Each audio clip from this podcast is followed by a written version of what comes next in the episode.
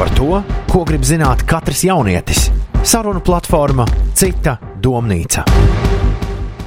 Čau, piecēlē klausītāji! Mans vārds ir Monika Martinso, un šodien raidījumā runāsim par izdegšanas sindromu.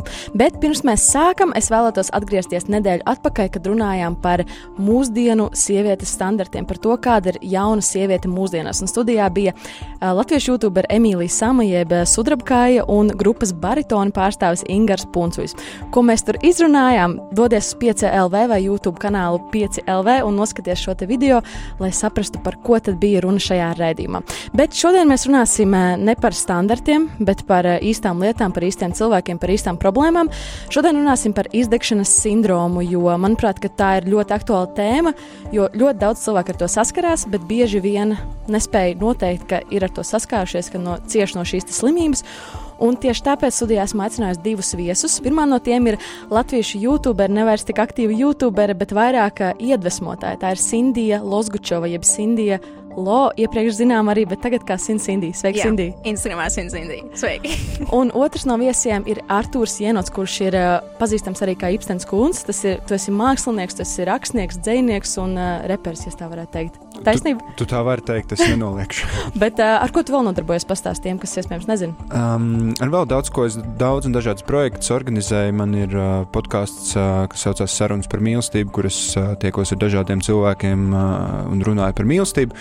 Un tāpat man ar manu kolēģi Abru ir um, podkāsts, kas saucas Karsts, Karsts, kas ir podkāsts par hip hopu. Plus vēl es filmēju visādus video, gan mūzikas video klipus, gan uh, strādāju dažādām aģentūrām, kurām nepieciešami kaut kādi vizuāli vizuālie kustīgie materiāli. Tātad tu esi ļoti radošs cilvēks, nu, darbojies tādā radošajā profesijā, bet kā freelanceris?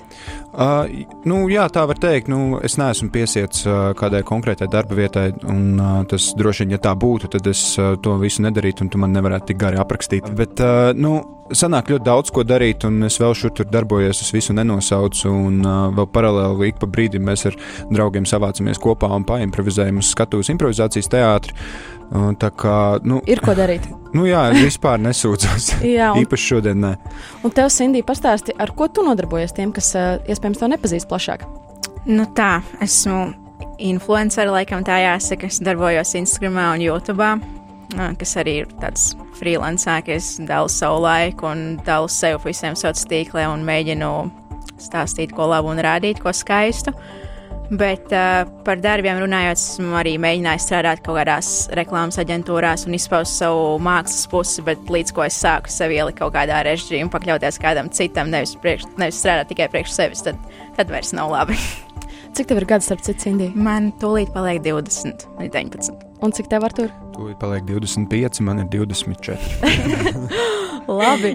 Uh, Runājot par šīs dienas tematu, kur esmu izvēlējies apskatīt, uh, jūs abi esat ļoti aizņemti cilvēki, kas klausos, jūs darbojaties simts lietas darat savā dzīvē, un tas ir viens no tiem faktoriem, domāju, kas arī noved pie šī izdegšanas sindroma, un jūs abi esat ar to saskārušies. Tā, tieši tāpēc jūs esat šeit studijā, un es domāju, ka jebkurš mūsdienu cilvēks skrien katru dienu ir pienākumu jūrā ir visu laiku nebintīgā steigā, arī mēs, citi domnīcas komanda, esam sagatavojuši nelielu materiālu par to, kā mūsuprāt izskatās un izklausās izdegšanas sindroms, lai tiem, kas iespējams nezin, kas tas ir, lai labāk saprastu. Klausāmies! Es vienmēr esmu zinājis, ka es varu izdarīt visu. Jau kopš sāku mācīties skolā, es vienmēr esmu bijusi izcilniece. Tas ir pierādījies dažādās jomās. Es esmu punktuāla, vienmēr visur ierodos laicīgi, esmu gudra, beidzot skolu zemākā atzīme bija astoņi. Un man bija arī ļoti daudz draugu. Vienmēr paspēju gan paballēt, gan izmācīties. Principā es sapratu, ka es varu visu. Un jo vairāk es darīju, jo es vairāk paspēju izdarīt. Tiešām, jo vairāk daru, jo es vairāk paspēju izdarīt. Jo vairāk daru, jo es vairāk paspēju izdarīt. Jo es vairāk daru, jo es vairāk paspēju izdarīt. Jo es vairāk daru, jo es vairāk paspēju izdarīt. Jo es vairāk daru, jo es vairāk paspēju izdarīt. Jo es vairāk daru, jo es vairāk paspēju izdarīt. Jo es vairāk daru, jo es vairāk paspēju izdarīt. Jo es vairāk daru, jo es vairāk paspēju izdarīt. Jo es vairāk daru, jo es vairāk daru, jo es vairāk paspēju izdarīt. Jo es vairāk daru, jo es vairāk paspēju izdarīt. Jo es vairāk daru, jo es vairāk paspēju izdarīt. Es vienmēr esmu zinājis, ka es varu izdarīt visu. Vai jūs piekrītat tam, ko jūs tikko dzirdējāt, ka šī izdegša, šis izdegšanas sindroms rodas tāpēc, ka ir sajūta, ka jo es vairāk daru, jo vairāk varu izdarīt. Jā, es domāju, tas vizuālais arī ļoti labi attēloja, kādas ir tās sajūtas. Un es domāju, lai labāk saprastu, kā noteikti tev ir izdegšanas sindroms, esmu uzskaitījis dažas lietas. Tātad eh, šis te ir tas to, ko mēs tikko redzējām un dzirdējām, ir tas, pie kā jau tas noved. Bet uh, to var pateikt cilvēkam tad, kad, piemēram, pasliktinās humora izpratne, tiek uh, izlaistas pauzes un pārtraukumi. Piemēram, tu vairs neej atpūsties, tu tikai strādā, strādā, strādā. Uh, tu nedodies atvaļinājumā, tu visu laiku pavadi darbā vai esi aizņemts ar darot šos simts darbus. Uh, tu sāc slikti justies, tu sāc justies sociāli atstumts, tu, tev krītas produktivitāte, tu vairs neko nevari. Tev liekas, ka tu vari izdarīt šīs simts lietas, bet beigās tu neko arī neizdari. Pastiprinās arī dažādu citu alkoholisko un citu vielu lietošanu, jo tu vairs nevari atslēgties no šiem simts darbiem, tu vairs nevari justies normāli dzīvojot savu dzīvi. Tad klausāmies psihoterapeitas Ingūnas Rudzītas komentāru par izdegšanas sindromu. Bet tā jūsu reakcija būtu pirmā, jā, es par šo varētu padomāt, ka varbūt kaut kas nav kārtībā, vai nē, nē, visu tieku galā, visu izdarīšu pati, un tas noliegums, tas noliegums tas āķis, kas neļauj laicīgi to sakārtot. Jaunieši visvairāk ir tādi nu, ietekmētākie, jo viena no tādām grupām, kas ir predisponēta, ja kurai draud izdegšana, ir tieši jaunieši. Kāpēc? Tāpēc, ka tā dzīve liekas, es no tuliņa nākšu, es tuliņās tagad kalnus gāzīšu, un tā realitāte iestājās tikai vēlāk. Un kas notiek? Ir vēlme, ir ambīcijas, un gribās daudz sasniegt. Un tajā brīdī mēs nepamanām, ka mēs pārāk daudz uzņemamies. Mēs apkraujam sevi ar darbiem, ar kuriem reāli netiekam galā. Jo mums visiem ir limiti, mums visiem ir robežas, lai kā mēs to negribētu atzīt. Un tāpēc jauniešiem ir svarīgi izvērtēt, ja, cik mēs esam gatavi ieguldīt darbā. Jo, protams, arī teiksim, tas tas spiediens no, no sabiedrības, ja, kas tagad ir tāds straujas dzīves ritms, ka man ir jābūt situētam, man ir jābūt, teiksim, tur es nezinu, jābrauc ceļojumos, man ir jābūt kaut kādam dzīvoklim, man ir jābūt kaut kam, kā es to varu dabūt, strādājot vairāk, ja, bet tā pieredze darbā vēl nav tik liela, ja. Lai dabūtu, teiksim, to atalgojumu lielāku, ir vairāk jāstrādā, un tad mēs pa daudz uzņemamies. Ir jāapstājās, ir jāpasaka kaut kam nē, no kaut kā jāatsakās. Jā, varbūt no kaut kāda augstākā amata ir jāatsakās, ja, jo tā atbildība reizēm pa daudz spiež varbūt nevajag to atbildīgi. Pastāstiet, jūs, kā jūs sapratāt un sajūtāt to, ka jūs esat izdeguši, kādi bija simptomi? Vai arī bija kādi no tiem, ka mm, visu laiku pavadat tikai darbā un neko citu nedarat? Kādi bija tie simptomi? Man šķiet, ka es to sapratu tad, kad es jau biju. Kad nebija pārgājis, bet bija tas smagākais posms noticis tajā izdegšanā. Un tad es pieķēru sev pie tā, ka es nevarēju īsti saprast, vai tas, ja es vairāk daru, man tas palīdz kā, justies labāk, vai arī man vajag noslēgties stūrītī un nedarīt neko. Jo tu un tā kā, tad... kamēr tu dari, tu kā aizmirsti visu to slikto, jā, un jā. it kā tu iem, iemeties atkal iekšā darbos. Jā, un viss tā sāk iet vienkārši uz rīņķi. Bet kā tad, tad tu noteici, ka tajā brīdī, kad tu pārāk daudz darīji, tad tu saprati, ka tu esi izdegusi? Es man šeit to sap... ne, saprašanas brīdis laikam bija tad, kad es uh, gribēju darīt, bet es vairs nevarēju. Man tā kā iekšā kaut kas teica, nu, nu viss tev vairs nav spēka. Nu, kā, tu gribi darīt, gribi tur un tur un tur un būt, bet nu, es sapratu, nu, es fiziski vairs vienkārši nevaru. Man tāds tā kā bloks nedaudz iestājās, un tad es sapratu, nu, laikam jau kaut kas man iekšā ir izdedzis. Kā tev bija ar to? Tā ir, nu, es pilnīgi piekrītu um, manā gadījumā, un tas arī, ko Sindija saka, tā ir apātija pret uh, jebko ko tu gan esi iepriekš darījis un it kā vēlējies darīt, gan arī pret citām kaut kādām jaukām lietām, nesaistītām ar kaut kādām tavām aktivitātēm. Jā, tev, piemēram, nepatīk vairs tas, ko tu darīji iepriekš, tev nepatīk pavadīt laiku ar draugiem un tādas lietas. Tas, tas mēdz notikt. Es gan neatceros, ka man būtu tāda problēma, ka man negribētos ar draugiem pavadīt laiku, bet man, es esmu izdedzis kādas trīs reizes savā dzīvē. Wow. Uh, bet, nu, um, Ja neskaita vegetatīvo distoniju, tas gluži ir pilnīgi cits stāsts, bet tāda izdegšana, kas ir izdarīts vesels lērums darbu, ir novest entie projekti līdz uh, beigām, un tā kā viss ir izdarīts, un nu var atpūsties, un tu iekrīt gultā, Un tur tu paliec, un tu nākamā rītā piecelies, un it kā ir ko darīt, vēl nav tik daudz, kā bija, bet tu tā kā tu nevēlies darīt. Nu, labi, šodien atpūtīšos, ir slinkums, negribas to darīt. Tad pienāk nākamā diena, un tu jau tā kā jūties vēl sliktāk, tu pat neredz jēgu neko darīt. Un ceturtā diena, un tā apātija paliek ar vien lielāku un lielāku un lielāku, un tā, nu, kaut kādā 16. gadā es tā pavadīju divas nedēļas pilnīgā apātijā, kas rezultējās pēc tam trīs mēnešu uh, rehabilitācijas posmā. Jā, principā. kur, kur, nu, tā ir tevis pašas rehabilitācija. Precīzi, paša, jā, jā. Nu, kur, tu, kur tu vācies, mēģini savākties kopā, tu kaut ko izdari, un tad tu atkal kaut ko neizdari, un tu nevari savākt sev kopā, un tieši tāpat tur pastiprinās kaut kāda alkohola lietošana, pastiprinās, uh, tur tu neesi skaidru prātu, vispār uz neko neraugies. Daudz kam šķiet, ka nav vispār jēgas un ko tu vispār šeit dari šajā pasaulē. Un pēdējo reizi es izdegu šī gada sākumā pēc uh, ļoti darbīga decembra kur ir vesels lērums ar darbiem, un viņiem arī spiežās termiņš, un es pie viņiem strādāju, viss ir kārtībā, un es jau esmu krietni stiprāks nekā kopš 16. gada, un krietni vairāk var izdarīt. Un tas viss ir izdarīts, un pie tam ķermenis fiziski salūza pirmais, noliekot man pie zemes un sakot, es vairs nevaru, un es saku, pagaidiet, mums vēl ir bišķiņi, mums vajag vēl bišķiņu dienu, un tad viss, un mēs atpūtīsimies. Un tā atpūta, principā, bija nedēļa milzīgā apātijā, kur man šķita, ka jēgas nav ne tam, ko es darīju decembrī, ne vispār visā gadā, ne vispār tam, ko es vispār gribēju darīt, un ko tad es vispār gribu tagad darīt. Un tad tu nedēļu vienkārši guli, un viss ir slikti. Bet... Tas bija tieši tas, kā arī es sapratu, ka es izdegu, arī es izdegu iepriekšējā vasarā. Tā sajūta, ka tu tiešām nezini, kāpēc tu celies no rīta vispār. Jā. Kāpēc tu ej kaut kur, kāpēc tu ej uz darbu, kāpēc tu mācies. Vispār nekam nav mm. jēgas dzīvē. Un bieži vien es domāju, ka cilvēki varbūt saka, tu vienkārši esi slings, tā kā tu teici, piemēram, oh, jā. es tev pasaka, tu taču vienkārši gribi paslinkot. Nu, un, bet Kā saprast, Indija, piemēram, ka tas nav slinkums? Kā tu saprati, ka tas nav tavs slinkums, bet tā ir tieši šī izdegšana? Es pat nezinu par slinkumu, klausoties šo visu. Es sapratu, ka man pēc tās tā posma, kad tu nevari fiziski vairs neko darīt, man sākās tā sajūta, man gribās aizbēgt vēl no visa. Man nepietiek ar to, ka es neguļu un fuj, ka, ka es guļu un, uh, un nedaru, bet gribu darīt. Tad man ir vienkārši sajūta, ka man gribās aizbēgt no visām tām emocijām, no visa tā jukuma, gulēt, darīt. Kā, no visa tā vienkārši gribējās kā, pazust, aizbraukt projām, mm. nerunāt ar nevienu. Un tad nāk prātā arī pavisam, pavisam sliktas domas. Es domāju, arī šādās situācijās, kad nu, tev šķiet, ka nav vairs izējas dzīvē, ka tas ir tas stāvoklis, kurā tu esi ļoti ilgi jau. Liekas, ka nav izējas, tu tikai slīkst, slīkst ar vien dziļāk un dziļāk. Es gribēju tev pajautāt, Sindī, par to, kā kā youtubere tu, tu ar to saskāries. Jo, pieņemsim, vairāk cilvēki domā tā, ka kas tad ir YouTube? Piemēram, filmēt video, sēdēt mājās. Jūs abi, es, jums abiem ir darbs kā freelanceriem, tad jūs neesat noteiktā darba vietā. Un, piemēram, vecāku pauģu cilvēki domā, nu, kas tad, ko tad jaunieši tur vienkārši tikai atpūšas. Bet uh, es domāju, ka tā ir ļoti nozīmīga lieta, ko jūs darat, kuru vairāk cilvēki iespējams nenovērtē. Pastāst, tu, Sindī, par to. Nu, par YouTube.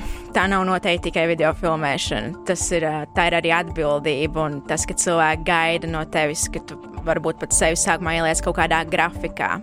Tu publicēsi tādu un tādu video, un tad cilvēki tev raksta, un, un tu tev vairs nav atbildes, kāpēc tev nav vairs tā video, vai kāpēc neko nedari. Un, un, un tā laikam arī bija man tāda pirmā nopietnā izdegšana no darba, kad man bija deviņu mēnešu pauze no video veidošanas, kas uh, sākās ar to, ka es publicēju tādu ļoti emocionāli bēdīgu video par to, kurus centos pateikt cilvēkiem, ka man ir slikti, un pēc tam man sākās tā nu, gandrīz gadu garā pauze. Bet vai pēc tam palika labāk publicējot šādu video pastāstot? Uh, bija ļoti dalīts sajūts. Man bija nedaudz stresa arī to publicēt, bet es cenšos visu to negatīvo arī, ko es saņēmu par to par, protams, bija cilvēki, kādēļ ko tādu dari, kādēļ tu, nezinu, atkailināt sēdi vannā, bet es teicu, ka sevi kā, atklāt emocionālāk ir uh, daudz personīgāk nekā, nekā fiziski, jā, jā. nekā izģērbties.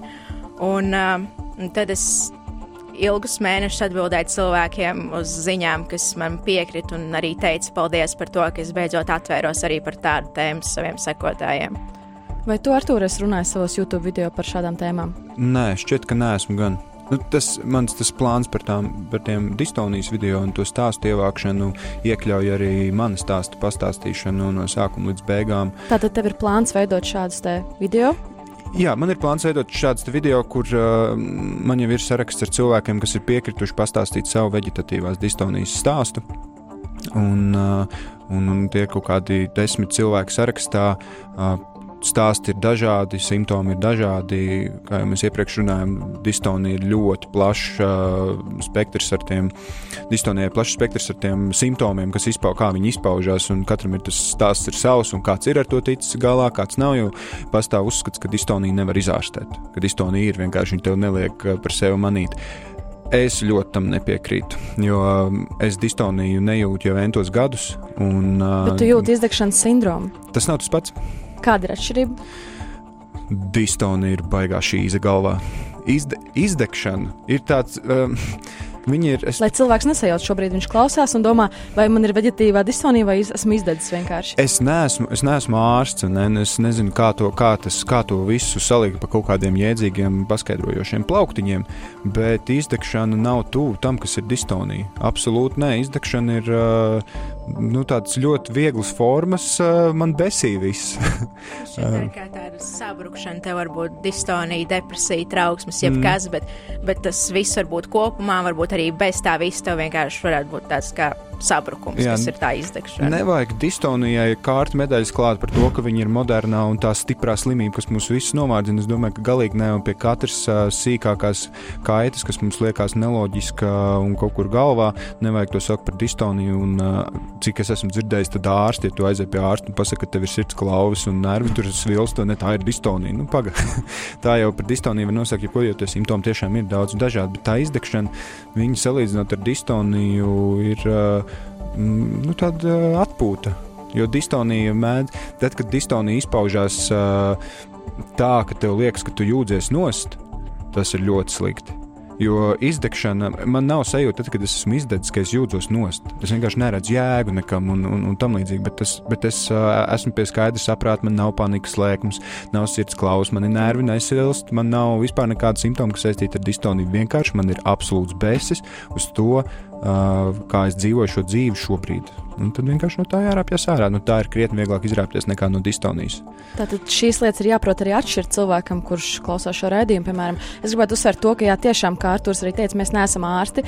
Mēs šeit esam trīs jaunieši, kuri vienkārši ir saskārušies ar šo izdegšanas sindromu, un uh, mēs gribam palīdzēt klausītājiem, palīdzēt saprast, kā rodas šī, šī izdegšana un kā ar to rīkoties. Tur jau zinu, kur tā interesantā lieta. Ar, es domāju, arī izdegšanai. Izdegšana ļoti viegli izskaidrot. Daudz strādāja, pārāk daudz, negulēja, nav fiziskais, nedzeru 3 litrus ūdens dienā, viss slikti, tev ķermenis atsakās, emocionāli paraujies tam līdzi. Ļoti viegli izskaidrot, kur tam visam cēlonis ir. Distonijai, vismaz manā gadījumā, cēloņi bija tādi, kur man nācās pamatīgi rakt, un tas nebija saistīts ar kaut kādu pārstrādāšanos. Tas, tas bija saistīts ar manu iekšējo pasauli un kā es pasauli uztveru un kāda pasaule man pašam ir apkārt. Uh, tie ir pilnīgi cits cēloņi, uh, un ar viņiem ir jāstrādā pavisam citādi nekā ar tiem izdegšanas cēloņiem. Es domāju, ka par izdegšanu mēs parunāsim šodien, bet par veģetatīvo distoniju mēs parunāsim noteikti vēl kādā atsevišķā raidījumā. Mans, mans vārds ir Monika Martinso, tu klausies raidījumu Cita domnīca, un šodien mēs runājam par izdegšanas sindromu.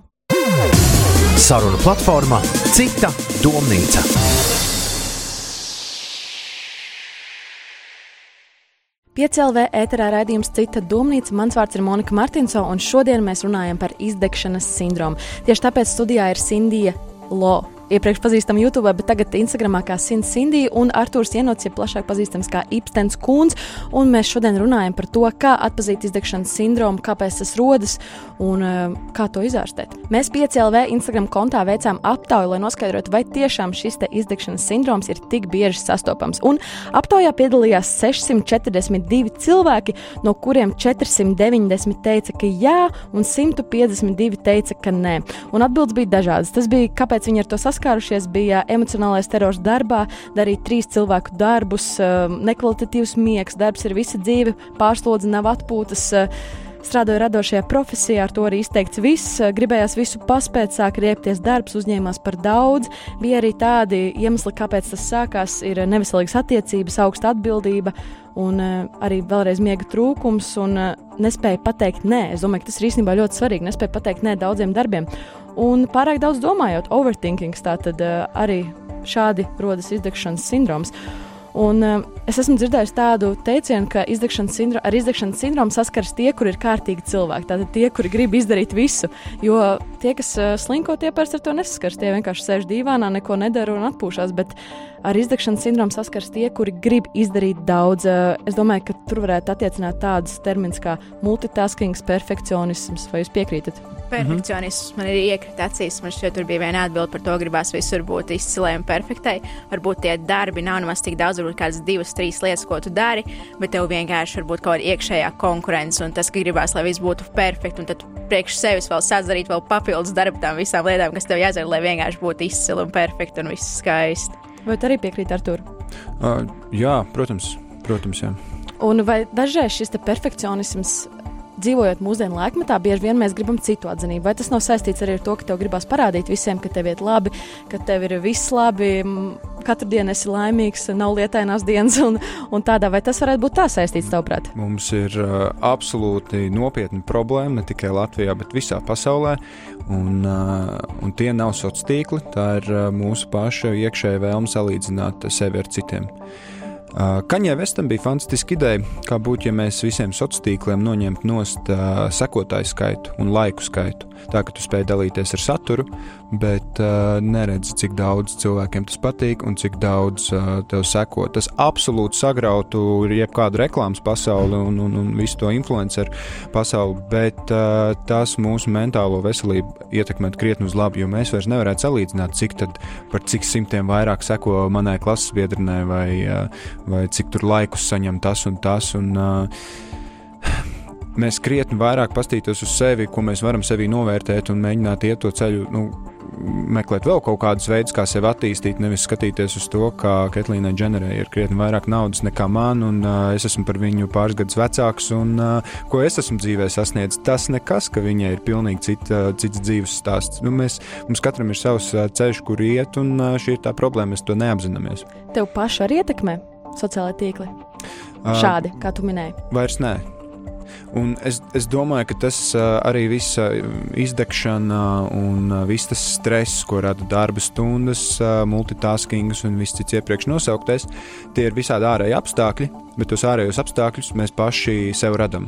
Tev neviens neliek darīt septiņas lietas vienlaicīgi. Nepiekrītu mazliet, tu vari būt darba vietā, kur tu esi kā jauns cilvēks atnācis un, piemēram, tu esi ļoti motivēts strādāt, un tu strādā, strādā, un tu vari izdarīt divu cilvēku darbus, tu vari jau izdarīt trīs cilvēku darbus. Es domāju, ka te var būt arī darba devēja vēlme ietaupīt kaut kādā ziņā, iespējams, Noteikti. un uzlikt uh, daudz darbus vienam cilvēkam. Es uh, pie, pilnīgi tev piekrītu. Nu, šajā gadījumā, kad es saku, to neviens to neliek darīt, un tu aizies strādāt darbā, kur tev to liek darīt, bet tu taču aizgāji strādāt tajā darbā. Tā Bet tu gribi sev pierādīt, tu gribi visiem parādīt, ka tu esi jaunais censoņa, kurš. Um, Tā ir uh, fantastiska apņemšanās, uh, un, un es nevienā brīdī nesaku, ka tu vari aiziet uz kādu darbu vietu un būt gatavs tādam multitaskingam.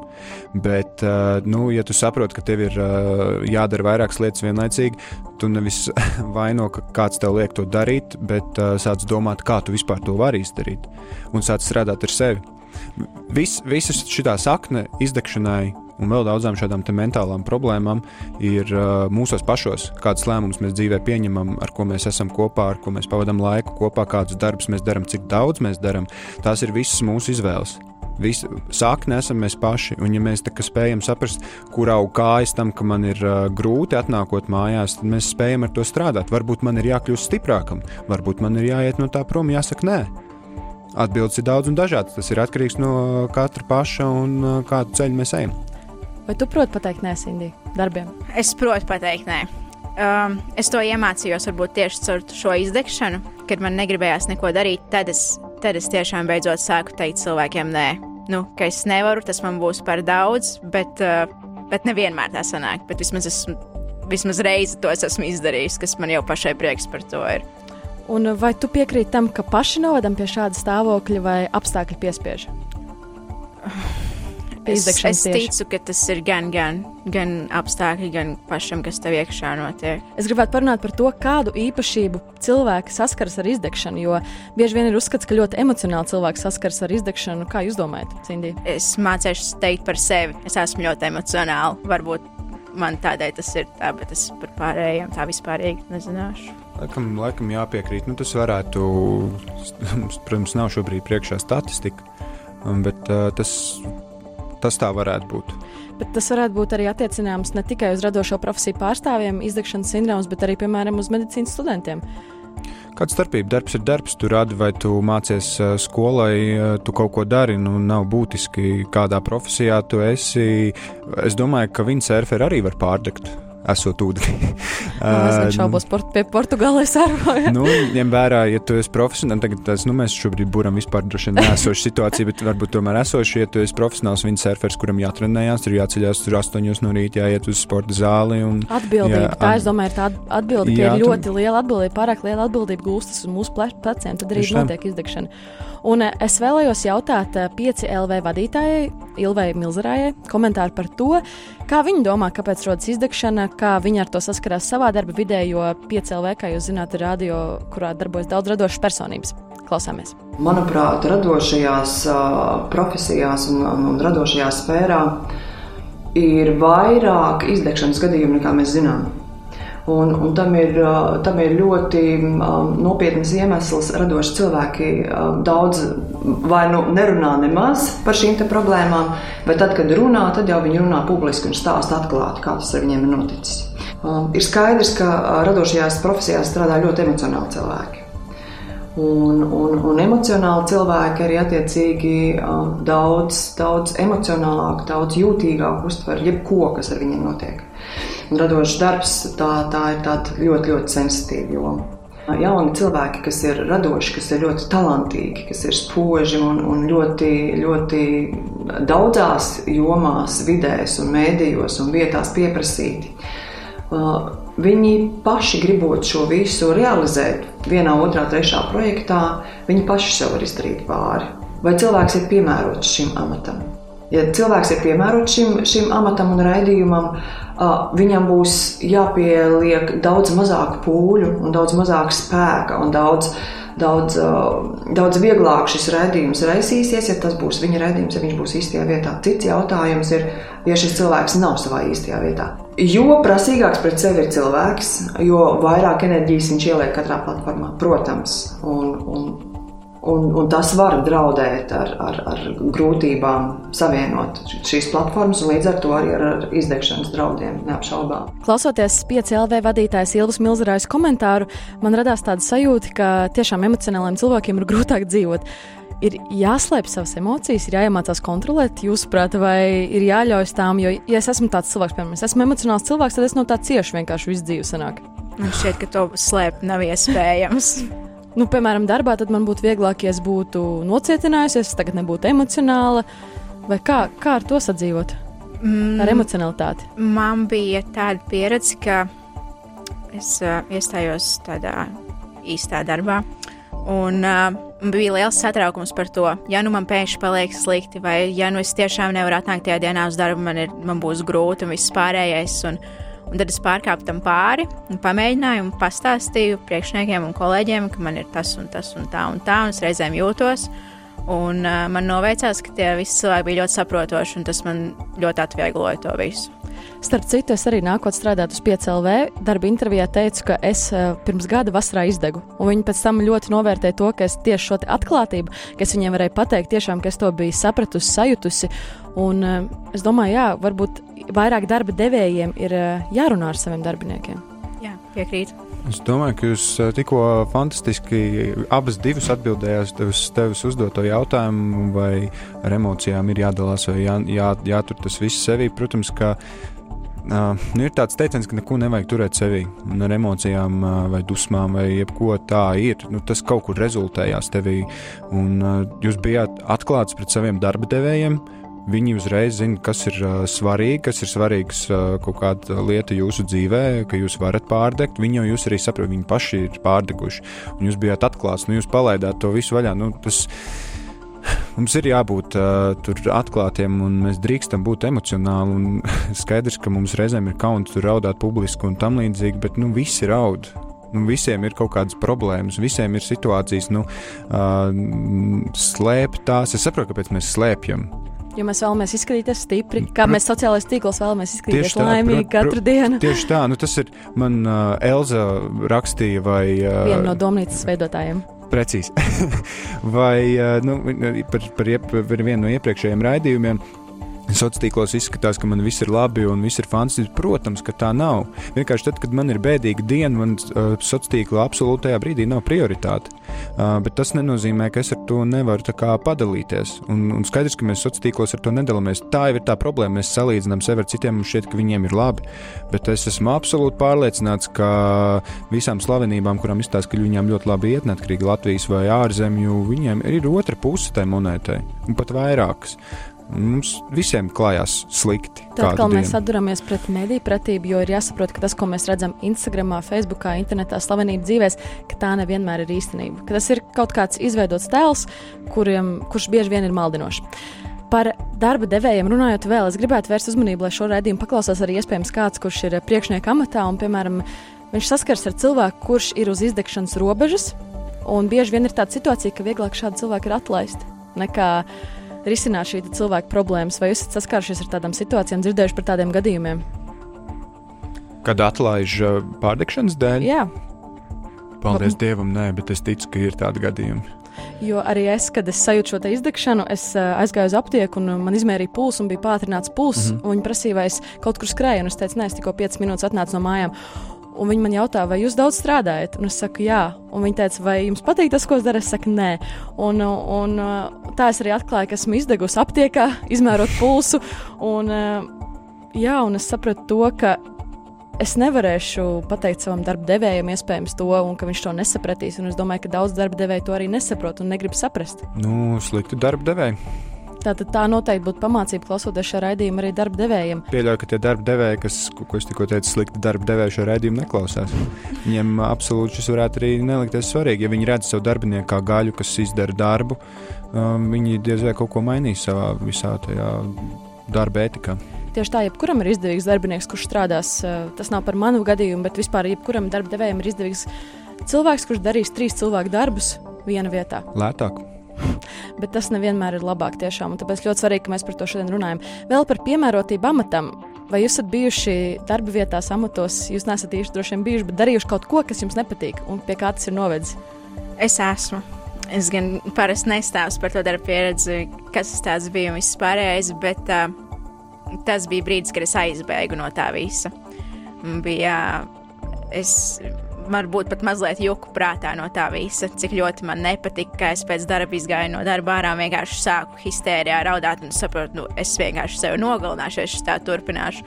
Un es principā aizbēgu no šī darba. Kā saprast, kad pateikt, nē, mēs par to iepriekš runājām? Kā tavuprāt, pateikt, saprast cilvēkam, nē, šis nav mans darbs, man ir jāiet prom un kā saņemties? Um, nu, jābūt ļoti atklātam pret sevi un jāsaprot, vai tas nav tavs darbs, tāpēc ka tu esi slings, vai arī tas tiešām nav tavs lauciņš, kurā tev šobrīd ir jādarbojas un kurā tu vispār vēlēsies darboties. Jābūt ļoti atklātam pret sevi, pieļaujot to, ka tu varētu labi to aizbēgt, tāpēc ka nu, tu reāli tev ķermenis jau dzina ārā, vai ne, un asars grūda. Bet ir reizes, ka mēs gribam aizbēgt, tāpēc, ka divānā šobrīd būtu labāk gulēt un neko nedarīt. Jābūt ļoti atklātam pret sevi, kāpēc, ka, kāpēc man ir tādas sajūtas. Un, ja tas ir tavs slinkums, tad tur jau mazliet citādi jāstrādā ar to visu. Bet, ja tu esi nonācis pie tā, ka jāiet prom, nu, tad ir jāsaņemās, ir jābūt atklātam un uh, pret savu darbu devēju Un tas, kā viņš to uztvers, tā jau nav, tā nav tava atbildība tajā brīdī. Šajā situācijā ir jānostāda vienkārši sev pirmajā vietā. Tieši tā ir jāiemācās sev mīlēt, sev pieņemt un saprast, kas man būs par daudz, bet arī ko es varu izdarīt. Radījums cita domnīca šodien runājam par izdegšanas sindromu. Saruna platformā Cita domnīca. Mans vārds ir Monika Martinso, un šodien raidījumā Cita domnīca runājam par izdegšanas sindromu. Esam pietuvojušies jau raidījuma beigu daļai, un pirmajās divās daļās izrunājām par to, kā noteikt, ka tev ir uh, šis te izdegšanas sindroms un kas pie tā noved. Bet tagad runāsim par to, kā to novērst, jo tas arī ir ļoti svarīgi. Mēs varam dzīvot ar šo izdegšanas sindromu un nezināt, ko ar to darīt. Kāds ir tavs viedoklis, Sindī, kā to novērst? Es domāju, ka, ja tu esi tajā brīdī, kad tu saproti, kaut kas nav labi, varbūt tu sāc izdegt vai jau dedz. Tad tajā brīdī ir jā, jāatmet domas par to, ko varbūt darba devējs vai ko draugi vai tas uh, darba pasūtītājs domās par tevi. Un tajā brīdī varbūt nedaudz jāieslēdzās sevi un jādomā, kāpēc es tā jūtos, ko man mainīt, vai man tur citādāku tēju no rītiem dzert kaut kā sevi kaut kādā veidā saprast, ka, kas tev ir jāpamaina. Varbūt no tās tēņas tu sapratīsi, ka tev ir jāmaina vispār tas, ko tu dari un kur tu atrodies, un kas ir tie cilvēki, kas tev stāsta, kas tev ir jādara. Es domāju, ka svarīgākā lieta ir panākt šo līdzsvaru. Jā. Kā tu domā, Artur? Precīzi. Es piekrītu, harmonija ir būtiska, tāpēc ka visa daba ir vienā lielā harmonijā. Uh, bet man šķiet, vēl viena ļoti būtiska lieta, un Sindija jau daļai tam pieskārās, tā ir, uh, un kaut kas no jums arī pieminējās iepriekš, tā ir sevis mīlestība. Un es domāju, ka pirmais, ko mums vajadzētu iegūglēt, tie, kas klausās šo sarunu, ir. Uh, kā sevi mīlēt un kāpēc tas ir svarīgi. Vēlams googlēt iekšā angliski, jo tur būs vesels pilns ar rakstiem. Tas ir svarīgākais, jo tu vari arī tagad mazliet nolicot no tās izdegšanas tēmas. Protams, mēs gribam mīlēt arī citus cilvēkus, arī savus darba devējus, un negribam nevienam nodarīt pāri. Bet, ja mēs sevi nemīlēsim un iesim ļoti dziļā uh, sviestā iekšā, precīzi pateicienot, uh, tad uh, mēs tos cilvēkus nekādu nespēsim mīlēt, mēs viņiem tikai vēl vairāk nodarīsim pāri saviem darba devējiem vai, vai savām otrajām pusītēm, mamām, tētiem, vienalga. Sevis mīlestība man šķiet, ka tā ir atslēga, un, protams, tā ir harmonija. Un harmonija ne tikai turēt līdzsvarā to darba dzīvi un to atpūtas dzīvi, bet turēt harmonijā arī savu, savu iekšējo pasauli. Tas ir ļoti būtiski. Tieši tā, kā kopt savu iekšējo pasauli. Sindī, Kā kopt? ikdienā, kā kopt savu iekšējo pasauli? Vajag parunāties ar sevi biežāk. Parunāties ar sevi, jā. Jā, vajag sevi saprast. Mēs, es redzu jūs krietni labāk nekā es varu paskatīties šobrīd uz sevi. Un es gribētu tā, lai es sevi redzu labāk nekā es redzu jūs. Uh, un parunāties ar sevi, saprast, kas es esmu, ko man patīk darīt. Pirmām, pirmām kārtām, kas ir manas labās īpašības, kas ir ļoti svarīgi. Nevis, ah, es tur nemāku tur braukt ar riteni. Nu, labi, bet es māku tur spēlēt tenisu. Uh, saprast, kas ir sliktās, labās, vai man vajag tās vispār tās, kur sliktās īpašības, vai man vajag tās labās. Un, un saprast, kas mēs esam. Jo tad mēs arī uz to pasaulē ārējo reaģēsim uh, atbilstoši un pieņemsim atbilstošus lēmumus tam visam. Vai tas būtu kaut kādā ziņā arī rakstot, pieņemsim, uz lapiņas to, vai jūs gadījumā filmējat vlogus, arī tā jūs saprotat, kas jūs esat? Droši vien. Par rakstīšanu uz lapiņas. Uh, es zinu, ka tā noteikti ir metode, kā es ar stresu cenšos tikt galā. Ko Es cenšos saprast, uh, kas ir tie iemesli, un tad pavilkt būtiņus no tā saraksta, ko man mainīt, lai es to vienu stresa cēloni mazinātu vai izmainītu. Un cik svarīgi, lai tev ir labi cilvēki apkārt, draugi, ģimene. Tas ir svarīgi, bet man laikam ir svarīgāk to, tas, cik labi es pret sevi izturos. Vai es tajā brīdī man. Varbūt tas man liek pat justies spēcīgākai, ja es cenšos pati ar sevi tikt galā. Sākumā sākt visu ar sarunu ar sevi un sevis izpratšanu, un, un tad, kad es netieku galā, tad varbūt vērsties pie tuviem draugiem vai, vai nezinu, speciālistiem. Tas, starp citu, ja tu sāki strādāt, nu, ir ļoti būtiski uh, sev turēt apkārt cilvēkus, kas ir uh, labi, spēcīgi cilvēki. Jo ir tāds teiciens, ka tu esi vidējais cilvēks. No tiem pieciem cilvēkiem, ko tu ikdienā satiec. Jo tie ir cilvēki, kas tev atgādina, ka tev vajag sev ticēt, ka tu esi foršs, ka tu esi labs, vai arī tieši pretēji saka, pf, ko tu, tu tur sasniegsi vispār. Pasties, es arī neesmu neko sasniedzis, un tev ir tāds, nu jā, laikam jau tā taisnība. Un tad, kad tu sāksi ar sevi iekšēji strādāt un saprast, ka, hei, bet es varu sev, un, un es gribu sev ticēt, tie cilvēki diezgan ātri no tavas dzīves izsijāsies ārā, un tev aplips apkārt tie cilvēki, kas tev ikdienā tā vienkārši ies garām un pateiks, hei, tev vajag sev ticēt. Tas ir ļoti būtiski. Ļoti tie cilvēki apkārt, šim. Tie cilvēki apkārt ir ļoti būtiski, kā Sindija saka, tas ir svarīgi, bet svarīgāk ir saprast un, un, un būt sev. Jo tad, kad tu sevi sapratīsi, attiecīgi tie cilvēki apkārt nomainīsies, ja viņiem būs jānomainās, kas arī būtiska daļa. Cik svarīgs, jūsuprāt, ir ā, vārda spēks, piemēram, nerunāt slikti par sevi, tieši tā kā tu teici, jo ir cilvēki, kas kaut ko izdara un, un kā pas, pasaka kaut ko sliktu par sevi vai ļauj citiem to teikt. Cik svarīgi ir tas, neļaut sliktiem vārdiem būt mums apkārt. Es domāju, ka nevajadzētu arī baidīties no sliktiem vārdiem, vismaz no sliktām emocijām, kas ir, lai cīnītos ar to, tad varbūt arī sākumā ir jāsaprot. Es nedomāju, ka no tā vajadzētu baidīties, no sliktiem vārdiem un izvairīties. Labi, varbūt neteikt negatīvas lietas, tā kā izplatīt negatīvo e enerģiju apkārt, bet uh, par sliktām sajūtām vispār, jo es domāju, to nevajag baidīties, par to vajag arī tieši runāt vairāk. Un kopumā, tuvojoties redzējuma noslēgumam, Artur, pasaki savu secinājumu. Kā cīnīties ar izdegšanu, kā neizdegt un kā mīlēt sevi? Ak, Dievs, cik kāds milzīgs secinājums. Nu, uh, Kopumā, ko tu saprati šī redzējuma laikā? kopumā. Uh, nu, pirmkārt, mēs viss, kas mums ir apkārt, sākas no mums pašiem. Arthurs Koelju.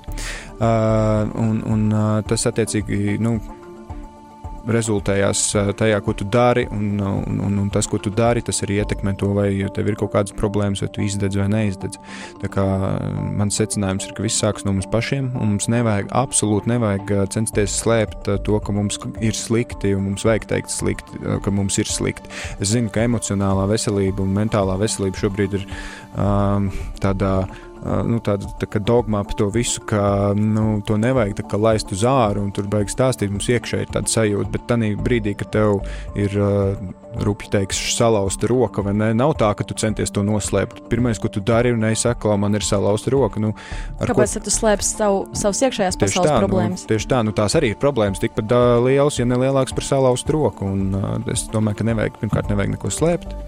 Um, un iet, varbūt runāt ar sevi tuvajiem cilvēkiem vai meklēt profesionāļus uh, un uh, mīlēt sevi. Kāds būtu tavs secinājums, Sindija? Man ka viss šī saruna bija pilna ar secinājumiem. Tā kā, ja man vajadzētu tagad pateikt savus secinājumus, varētu atstāstīt man šķiet visu, ko jau mēs izrunājām. Tad, jā, es domāju, ka mēs pieskārāmies ļoti svarīgiem jautājumiem, un mēs sapratām to, ka ir jārūpējas par sevi, jāmīl sevi, kā Arthurs un Sindija teica. Darba devēja, kur klausījās šo, lūdzu, rūpēties par saviem darbiniekiem, ieklausieties uh, draugi, ieklausieties savos draugos, ģimenes, ieklausieties savos ģimenes locekļos. Un uh, nenostā, nenostrādiniet cilvēkus, uh, rūpēties par to, lai jūs līdzcilvēki ir laimīgi. Mans vārds ir Monika Martinso. Šovakar cita domnīca runāja par izdegšanas sindromu. Saruna platformā Cita domnīca.